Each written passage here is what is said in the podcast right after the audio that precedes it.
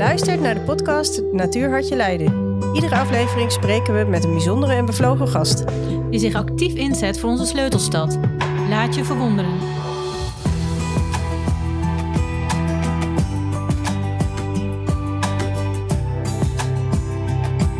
Welkom bij een nieuwe aflevering van Natuur Hartje Leiden. Vandaag spreken we met een echte bodemliefhebber en bodemdeskundige. Annemarie van Dam werd al vroeg gegrepen door de schoonheid en waarde van de aarde. De bodem waar dieren leven en die ons zoveel biedt. Haar enthousiasme brengt ze graag over op anderen. Ze geeft dan ook workshops, ze begeleidt excursies, adviseert tuinders en steunt burgerinitiatieven om de omgeving te vergroenen. Op haar website komen intrigerende termen voor, als kriebelbeestje en supercompost. We gaan vandaag onder de grond op ontdekkingsreis. Welkom Annemarie. Hallo. Um, we gaan het vandaag dus hebben over de bodem. Dat is uh, niet alleen jouw liefhebberij, zoals ik al zei, maar je bent ook echt deskundig. Je weet heel goed uh, wat er in de bodem zich bevindt. Uh, zou je iets kunnen vertellen over wat er zich onder Leiden in de bodem bevindt? Hoe is het opgebouwd? Ehm, hoe is Leiden opgebouwd? Dan ga je eigenlijk terug naar de, de geologie van de stad. Hè? En dat begint nou ja, duizenden jaren geleden. De kustlijn lag toen nog meer naar het westen, dus het water stond lager. En de rivier de Rijn die stroomde hier. En wat je dan hebt is dus de, nou de rivier die zet kleideeltjes af. Dus die komen stroomafwaarts met, uh, met het water. De zee die stroomt die rivier in en uit. Die zet daar ook kleideeltjes af als het wat minder hard stroomt. Dus dan heb je zeeklei. Dus dat is eigenlijk in het hart van de stad. En dwars daarop heb je uh, eigenlijk aan de westkant van Leiden vooral de strandwallen. Ja, die, eh, de, en westelijk daarvan weer de jonge duinen, dus de, wat wij als de duinen kennen. En die strandwallen die vind je bijvoorbeeld uh, bij de Leidse Hout en bij de Vogelwijk en, en de Geest. Ligt op het eind van de Geest. En de Geest is een ander woord voor strandwal. Dus daar vind je zandruggen en ook zand aan de oppervlakte. Betekent dat dan dat daar de zee kwam? Bij Rustgeest is Katwijk en alles wat wij nu als kust zien toen nog niet aanwezig? Uh, ja, dat is daar ook wel weer uitgebreid, ja. Dus er is, telkens zijn er strandwallen bijgekomen. Okay. Dus de, de zee heeft ook wel verder gelegen, zeker in de ijstijden, maar ook wel weer dichterbij dan nu. Ja. Ja, daarnaast weer uitgebreid. En zo bijvoorbeeld Voorschoten ligt ook op, de, op een strandwal, het centrum. En dat is dan de meest landinwaarts gelegen strandwal. Maar de Rijn die gaat daar dus dwars doorheen. Dus daar is een stuk van de strandwallen weggespoeld okay. bij de rivier. En daar heb je dan de, de oeverwallen van de Rijn. En dat is meer kleiig, zavelig. Zavel zit een beetje tussen zand en klei in. Zavel? Zavel is uh, ook een grondsoort, net als zand en klei. En dat is niet zo grof. De deeltjes zijn niet zo grof als zand en niet zo fijn als kleideeltjes. Okay. Het zit ook een beetje door elkaar gemengd altijd. Is dat dan ook echt een mengvorm van land en strand? Of is dat, uh... Nee, dat is uh, gewoon een grondsoort. Oké. Ja. Okay.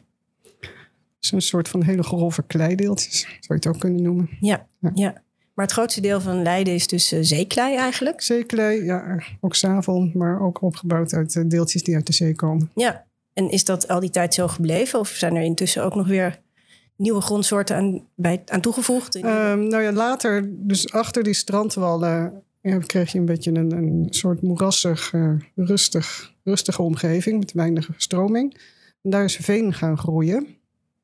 En dat vind je dus te, tussen de strandwallen en ten oosten van de strandwallen. Dus bijvoorbeeld bij Zoeter, Zoeterwoude ligt op veen. En aan de oostkant van uh, Park Kronestein en in de Oostliedpolder dus vind je ook veen. Oké. Okay. Ja.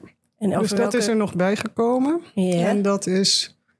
Uh, ja, dat is doorgegaan, die veengroei. Dat is begonnen 4000 jaar geleden. En het is doorgegaan tot ongeveer het jaar 1000 of 1200. Toen zijn wij begonnen met dat te ontginnen.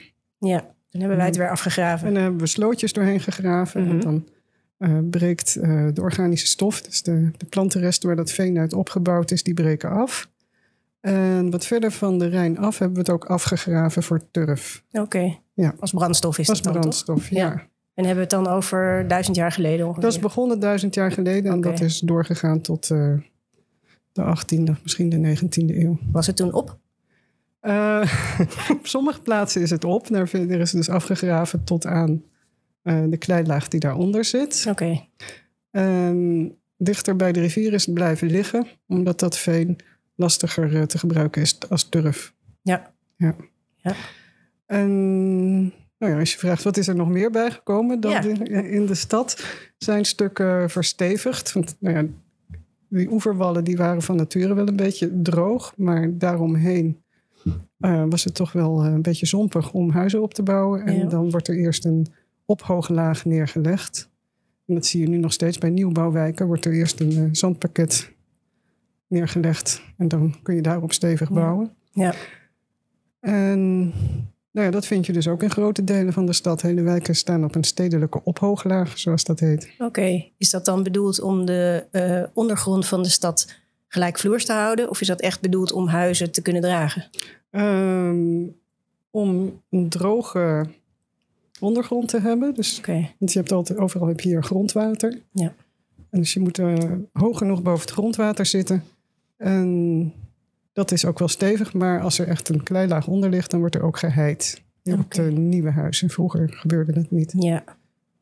In het voorgesprek, toen, ik, eh, toen we het hier al een beetje over hadden, toen had je het ook over een hoge en een lage Rijndijk bijvoorbeeld.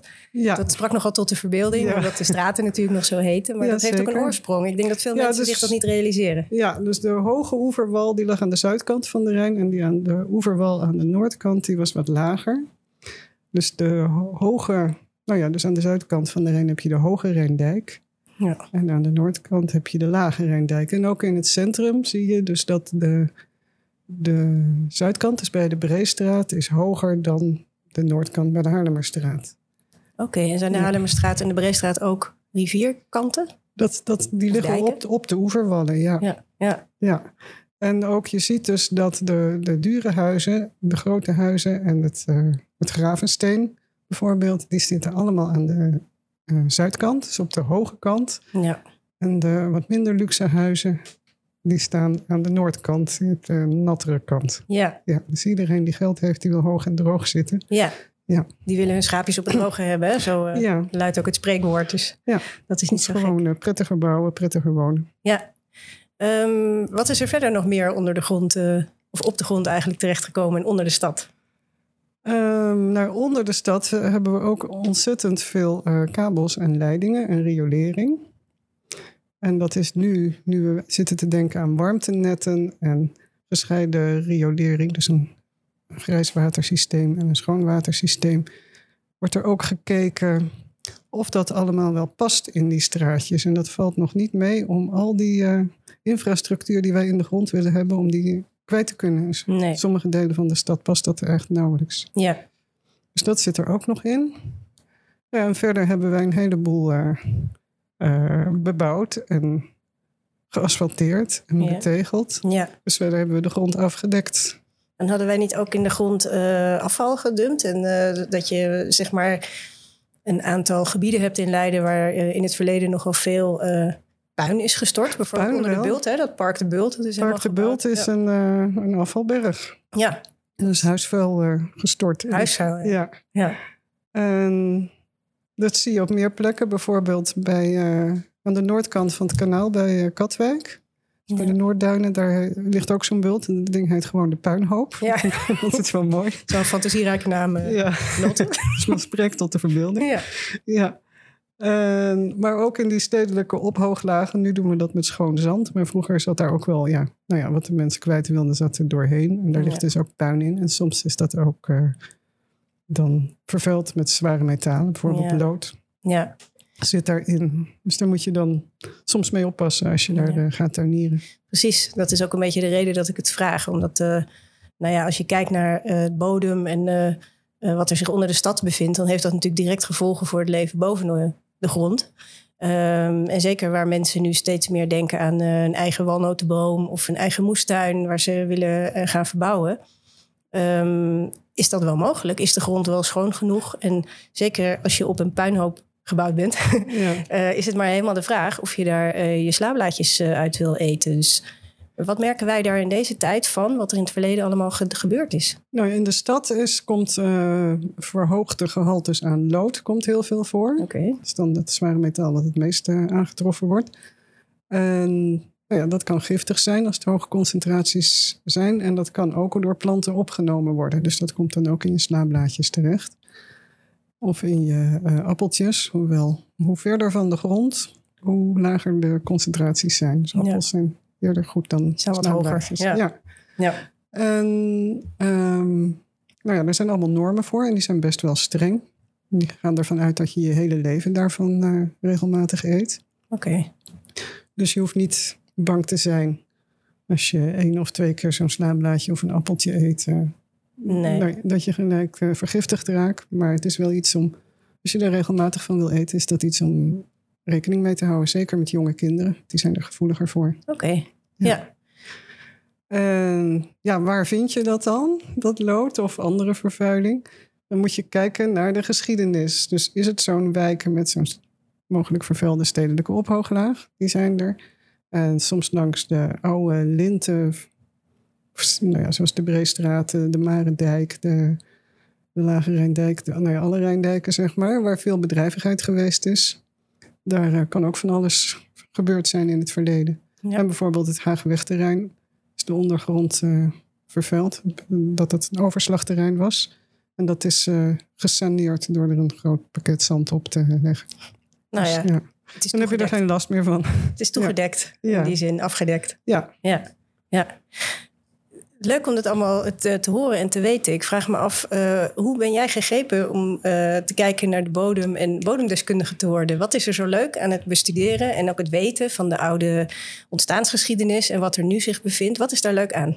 Um, nou, het is bij mij begonnen gewoon met liefde voor de natuur. Dus ik was altijd heel graag in de tuin bezig. In, te beginnen in de zandbak toen ik klein was. Wie niet? En wie niet. Ja. maar dat heb ik volgehouden, zeg maar. Ja, ja, heel goed. Ja, dus ik kreeg een stukje uh, in de achtertuin om zelf uh, plantjes in te zetten. En ik ging altijd graag uh, naar de plantjes kijken en de vogeltjes. En mijn vader die zocht alle plantjes voor me op, hoewel die er verder zelf niet zoveel van wist. En ook zelf die interesse niet had. Hij deed het gewoon voor mij. Oh, wat lief. Ja, heel lief. Ja, ja zeker lief. Ja. ja. Dus nou ja, biologie leek me wel wat. Maar daar uh, heb je dan heel, heel vaak dat het heel veel labwerk is. En dat het heel erg op de celletjes en de, nou, zelfs de moleculen gaat. Even voor de duidelijkheid, lab met een B. Ja, lab, ja. ja laboratorium. Ja.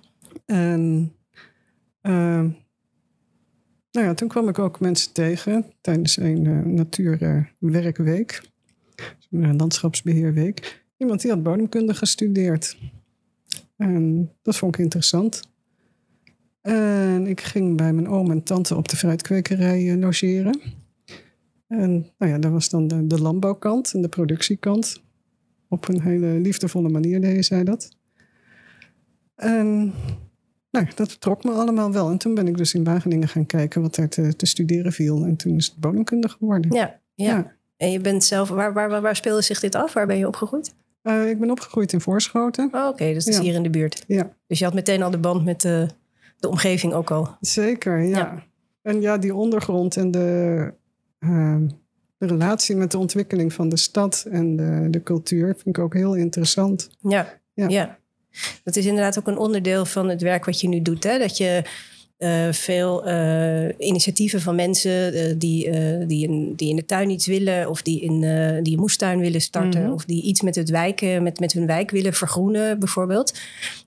daar stel jij adviezen. Um, nou ja, die geef ik over, advies. Ja, die geef je advies of je trainingen. Maar dat, Ja. dat is wel een beetje een verbinding die je probeert te leggen. Om, denk... Nou ja, ik vind het ontzettend leuk om uh, andere mensen bij de bodem en de natuur te betrekken. En ik vind ook dat het heel hard nodig is. Als Ja. je ziet hoe het gaat met, uh, met de natuur en de, de biodiversiteit, staat echt onder druk. Dus, Ja. En dat komt deels door nou ja, heel veel verstedelijking en bete betegeling. ja. En in tuinen kan je ontzettend veel. Bereiken als je dat op een natuurvriendelijke manier beheert. En de bodem speelt daar ook een hele belangrijke rol in. Ja. Het lijkt mij alleen moeilijk om mensen te overtuigen die daar verder eigenlijk zelf helemaal niet zoveel mee hebben. Hoe doe je dat? Ehm, kijk, je kan nooit iedereen overtuigen. Dus je moet beginnen met de mensen die nou ja, al een beginnetje van interesse hebben. En die, kun je, die zijn ontvankelijk voor de mooie uh, verwondering over wat je kan zien aan de natuur in je eigen omgeving. Ja, En dat Ja. probeer ik dan over te brengen. ja, En ik probeer ook te laten zien dat het, eh, dat het makkelijk kan. Dat je, het is helemaal niet zo ingewikkeld om een tuin wat groener te maken. Ja, je kan altijd eh, beter en mooier en meer, maar ja. ja, de basis is eigenlijk heel simpel. En hoe simpel is dat? Waar begint men? Nou, tegels, Tegels eruit. eruit. Ja, dat had je zelf waarschijnlijk ook al bedacht. Ik had iets bedacht. Ja. En dan eh, ja, plantjes erin. Ja. En dan vaak, dan de, vaak wordt dan de, het zand dat onder de tegels ligt, wordt vaak dan een deel eh, afgegraven en vervangen door nou, tuinaarde of potgrond. Maar je kunt ook eh, bijvoorbeeld 5 centimeter compost erop leggen en Ja. dat er doorheen mengen. Dan kun je ook op dat zand kun je plantjes kweken. Ja. Ja. ja. En stel, ik heb een eh, betegelde tuin en ik haal eh, daar een aantal tegels uit en ik zet daar een plantje neer. Eh, hoe snel denk je dat er dan een soort ecosysteempje ontstaat, waarbij plantjes ook zichzelf weer in stand houden en samenwerken met de bodem om, om, om in stand te blijven? Ehm, ja, dat ontwikkelt zich in de loop van de jaren. Ja. Dus, eh, als je kijkt naar de ontwikkeling van, van dan heet het een, eh, ja, de eerste planten die ergens vanzelf opkomen, die, dat zijn dan pioniersplanten. ja. Die komen dus- aanwaaien door de lucht. Die komen aanwaaien. de Dat, dat is vaak, nou ja, dat, de, dus de, de bekende onkruiden zijn vaak ook pioniersplanten. Dus planten die zich makkelijk ergens vestigen en dan snel veel zaad maken. Ja, En dan eh, nou ja, daar eh, een plekje vinden. En die, dat zijn eigenlijk de wegbereiders dan voor de wat vastere planten en de grassen en de, ja, de meerjarige planten. En de, daarna de, de jonge, de, sommige bomen, Ja. de pioniersbomen en de struiken. En dan uiteindelijk wordt het een bos. Maar ja, dat heb je in die, in die tuin laat je het meestal niet zo ver komen. nee, maar je dus zou dan ga kunnen je het zeggen... beheren. Je zou kunnen zeggen, in één of twee seizoenen heb je eigenlijk al Heb best al, een heel ja. mooi eh, groen eh, stuk Ja, in je zeker. tuin. Dat is mogelijk. Ja, dat Ja, kan. ja. Ja. Ja, je kan al het eerste jaar heerlijke bloeiende bloemen hebben. En zeker bij die pioniersplanten. Of de, bijvoorbeeld als je klaprozen, dat is een, een prachtige, opvallende plant. Ja, En dat is een pionier. klaproos is heel mooi. Ja, dat is Ja. een eh, prachtige bloemen. En die, in de natuur verdwijnt hij altijd weer na een paar jaar. Want dan wordt het de, de wereld overgenomen door eh, andere planten. Oh, de klaproos, dit is echt is een echt een voortrekker die dan weer Ja. vertrekt daarna. ja, nou ja, die wordt dan weggeconcurreerd. ja, ja. Ja. het is een vrij tere bloem natuurlijk. Toch? Ehm, eh, je hebt, eh, ik heb het hier voor me liggen, een boek zelfs daarover geschreven. Over hoe je een tuin kunt vergroenen. Hoe je eh, de tuin kunt aanleggen van begin tot eind. Dat begint natuurlijk met de bodem. Dat is jouw eh, Ja. expertise. Dat is ook wat jij het liefste, eh, denk ik, eh, goed maakt. De bodem, zodat er een tuin op gaat staan. Maar ehm, waarom heb je dat boek geschreven? Ehm, omdat veel mensen die tuinieren heel weinig van de bodem weten. En ook als ik kijk naar de meeste boeken die er voor eh, tuiniers zijn, tuinliefhebbers. Daar staat dan zelfs in hele dikke boeken, bijvoorbeeld eh, Tuinieren doe je zo. Hier drie of vierhonderd bladzijden, is pas uit vorig jaar of zo. Het klinkt als een klassieker. wel. Ja, Ja. het is van de Royal Horticultural Society. En daar staan vier bladzijden over de bodem in. ja. Ja. En nou ja, dan zijn er ook wel wat eh, boeken die er echt heel diep op ingaan, op het bodemleven. Of de, bijvoorbeeld de, de onderwereld van de tuin van Romke van de Kaas, een hele leuke. ja. Maar daartussenin zat niks. Dus eh, hoe je onderzoekt wat voor grond je hebt, hoe je weet hoe diep het water staat. eh, of je weet of er, of er kalk in de grond zit.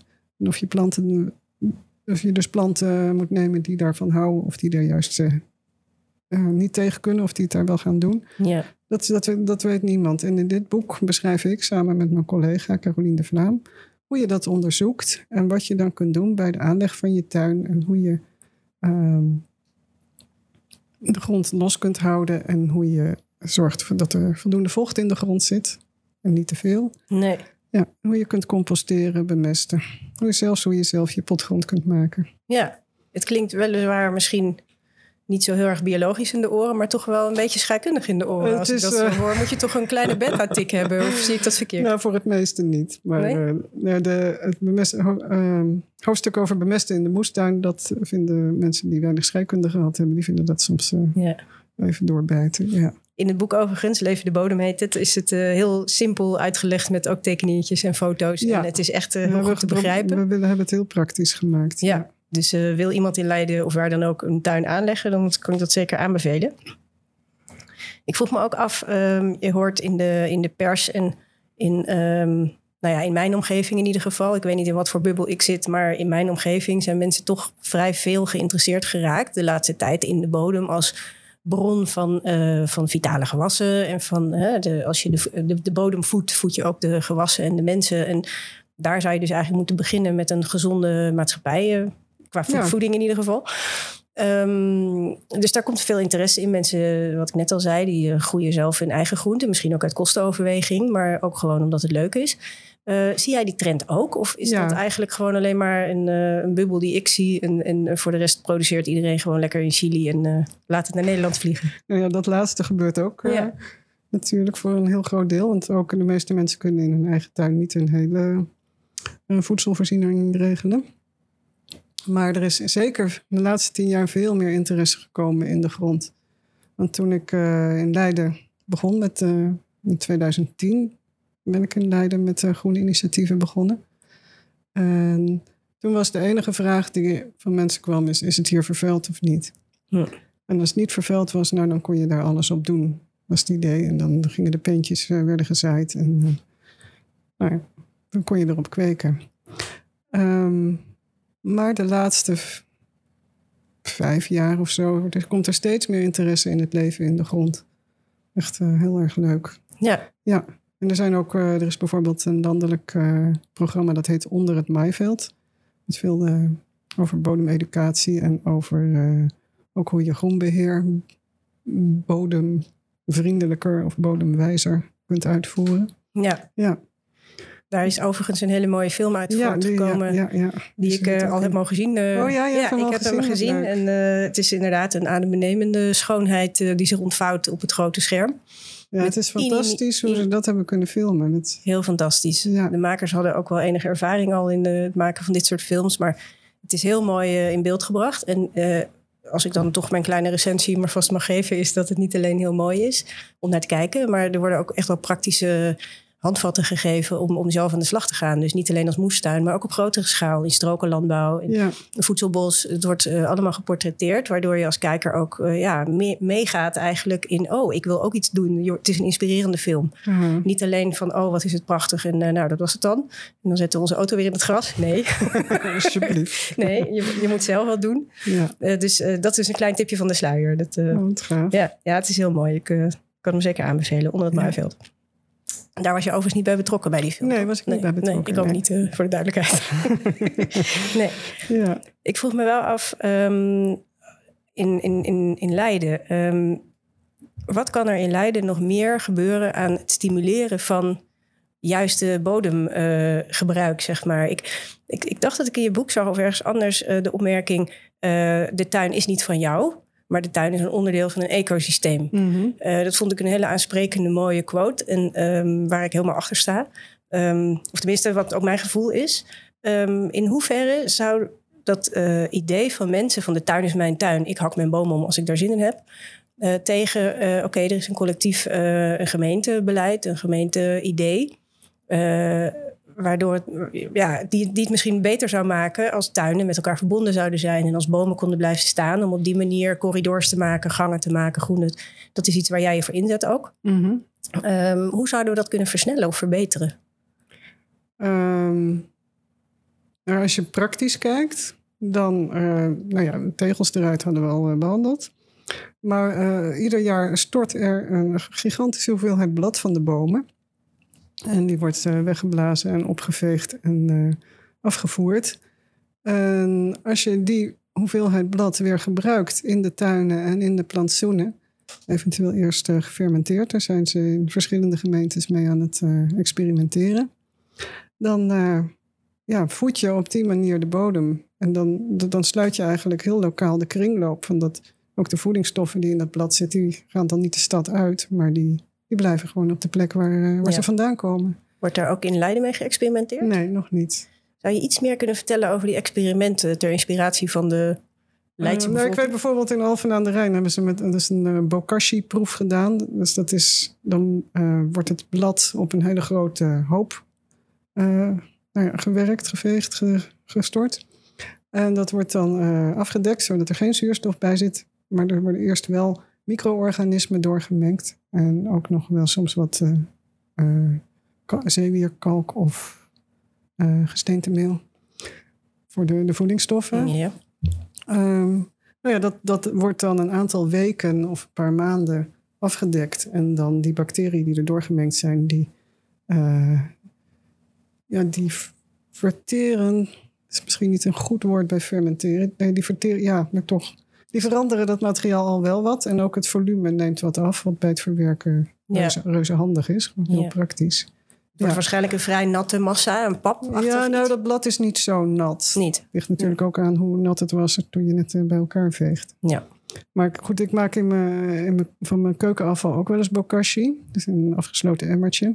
En wat is bokashi anders Dat is dan dan Eh, dat, dat wordt dan eh, zuurstofloos gefermenteerd. Je maakt er eigenlijk een soort zuurkool van. Terwijl bij compost je natuurlijk altijd zuurstof er compost moet er altijd zuurstof bij. En dan wordt het ook veel verder al verteerd. Ja. Dan lijkt het echt al als net op de organische stof, de, de, het zwarte spul dat in de grond zit. Ja. Ja. ja. Oké. En als het gefermenteerd is, dan, dan vind je de halve citroenen nog terug. zeg maar. Ja. ja. Nou, dat vinden vast ook een paar insecten heel erg leuk. ja, niet alleen insecten. Nee. Maar als we dat in Leiden ook zouden oppakken, wie zou dat moeten oppakken in onze stad? Nou, als het gaat om het bladafval van de straten, dan is natuurlijk de gemeente aan zet. En als het gaat om het afval in de tuintjes, dan is de, de, Ja. de eigenaar, de gebruiker van de tuin Ja. Ja. aan zet. Ja. Ja. Maar dat blad is gewoon, ja, het is zo'n rijke bron van eh, voeding voor de planten en voor het bodemleven. Ja. Het is een fantastisch spul. Misschien moeten we met elkaar afspreken dat bladblazers eh, tot nu eh, en in de eeuwigheid verboden worden. Dat ja. eh, is voor ook egels beter en sowieso alle dieren en Ja. ook planten en de bodem. ja. Ja. Wat kunnen we nog meer doen om... Nou ja, we hebben het net al over, we noemden net al composteren. Dat je kunt dus ook je tuinafval dat te grof is om zomaar te laten vallen, dat kun je composteren, kun je verwerken. En dan eh, krijg je weer een meststof waar je je grond mee kan voeden. En waar je bijvoorbeeld je eh, uitgeputte potgrond, als je daar 20% compost doorheen mengt, dan zit er ook weer eh, best wel veel voeding in voor je viooltjes of je geraniums. Ja. Ja. En, en voor de dieren, voor het En bodemleven voor- zelf. Ja, Ja. als je het, eh, de compost dan op de, gewoon op de kale grond brengt, dan voedt dat er ook weer. Gaat dat weer leven?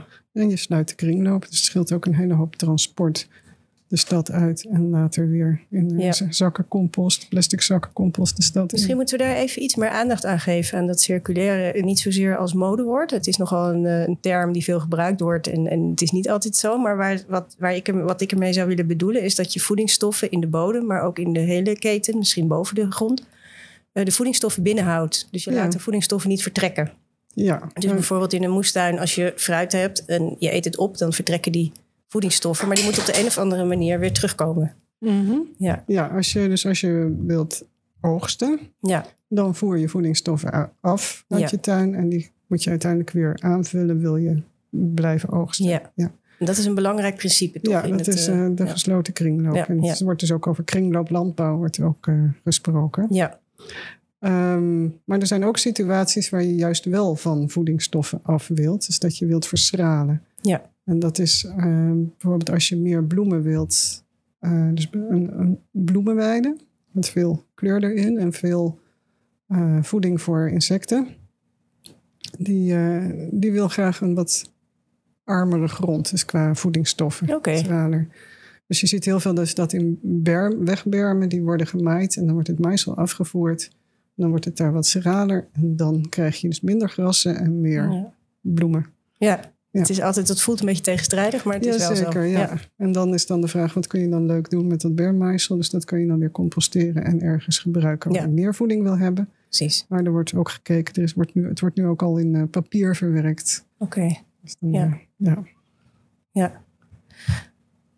Is het, ehm, nu we de lente eraan komt hè, en eh, we gaan allemaal in onze tuin dingen aanleggen en zo, ehm, moeten wij rekening houden met eh, de, de water? bedoel, water is natuurlijk belangrijk voor de bodem, maar water is ook ja, schaarser in de zin van dat het droge zomers, droge, hete, warme zomers. Zijn er dingen die wij anders moeten gaan doen dan dat wij gewend zijn uh, in het licht van de verdroging die eraan Ja. komt? Ehm, je kunt, het belangrijkste is dat je planten kiest die aangepast zijn. Dus die niet eh, heel veel vocht nodig hebben in de zomer. Ja, En nou ja, daar is een, een, hele lastige is een, een, eh, een strak groen gazonnetje. Dat is, eh, dat is eigenlijk niet... eh, dat is haast niet te doen. Nee, zeg maar, om dat droogt in, uit. in een droge zomer goed te houden. En dan moet, je, ja, dan moet je weer gaan sproeien. En dat Ja. kost dan weer, zeker als het leidingwater is, ja, kost dat heel veel ja, ja, water dat we met grote moeite zo schoon en ja. Goed gekregen Maar wat je eigenlijk zegt is, eh, het wordt droger en je moet de planten erop aanpassen. Zijn er ook planten die bijvoorbeeld vocht terug zouden kunnen brengen of vast kunnen houden? Ehm, Dus dat je hmm. tegen de verdroging in Nou, kijk, beplant? planten, planten verdampen water bij het groeien. Dus uiteindelijk als je een plant neerzet, dan onttrek je water aan de grond. ja.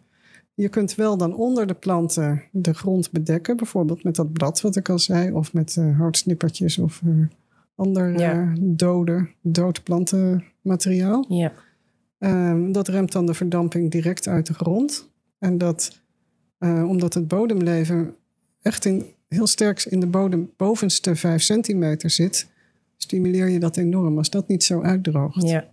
ja, En dat geldt ook dan voor bodembedekkers, dus planten. Die eh, zorgen ook dat dat bovenste laagje minder uitdroogt. Ze trekken dan wel weer vocht uit de, dieper uit de grond. Maar Ja. voor het bodemleven is dat toch eh, prettig. ja. Ja. En het is misschien ook even, er we hoeven niet verder op in te gaan, maar wel goed om te noteren misschien dat in die bovenste vijf centimeter ook bijvoorbeeld eh wespennesten zitten. Dieren maken daar holletjes en planten zich daar voort. En bovendien is het ook nog een belangrijke laag voor stikstofopslag, denk ik. Ja, de Ja. organische stof zit ook heel veel in, in de. Dus de verteerde plantenresten. Ja, En daar zit ook veel er zitten voedingsstoffen in. die bovenste laag is van, Ja, is het bovenste van laagje is heel belangrijk. is heel Ja. belangrijk. En wat je daar ook, eh, als je nou toch aan de, aan de slag gaat in de tuin. En dan hebben sommige mensen de neiging om overal overheen te lopen. Ja, Ja, en dan stamp je dus de grond aan. ja.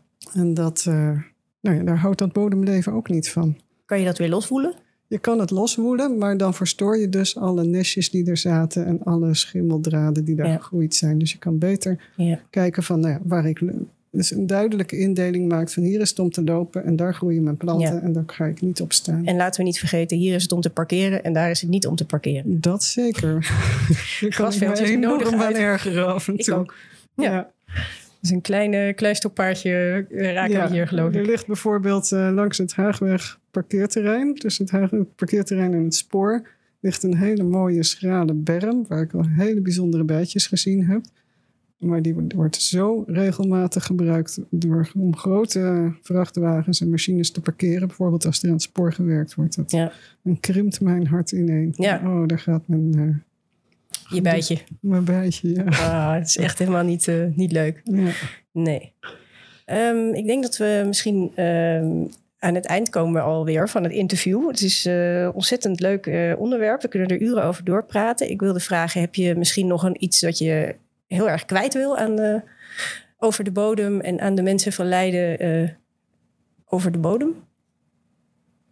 Mm, mm, mm. Even kijken hoor. Nou, ja, als je dus zorgt dat als je in die tuin aan de gang gaat, dat je beplanting aansluit bij de bodem. Dus is het droog, is het nat, is het eh, kalkrijk of is het kalkarm, dan doen je planten het makkelijker. Dus ze groeien beter, je hoeft er minder eh, aan, te, nou ja, aan te werken en aan te vertroetelen. En je eh, zorgt daarmee ook nog dat dus de insecten en de vogels er makkelijker opkomen. En als je dan planten neemt die hier eh, uit de buurt komen, zoals eh, bijvoorbeeld margrieten, bramen, eh latirus, is ook, heeft ook inheems. Een grote kattenstaart die je veel langs de sloot vindt, maar die ook best wel goed tegen de droogte kan.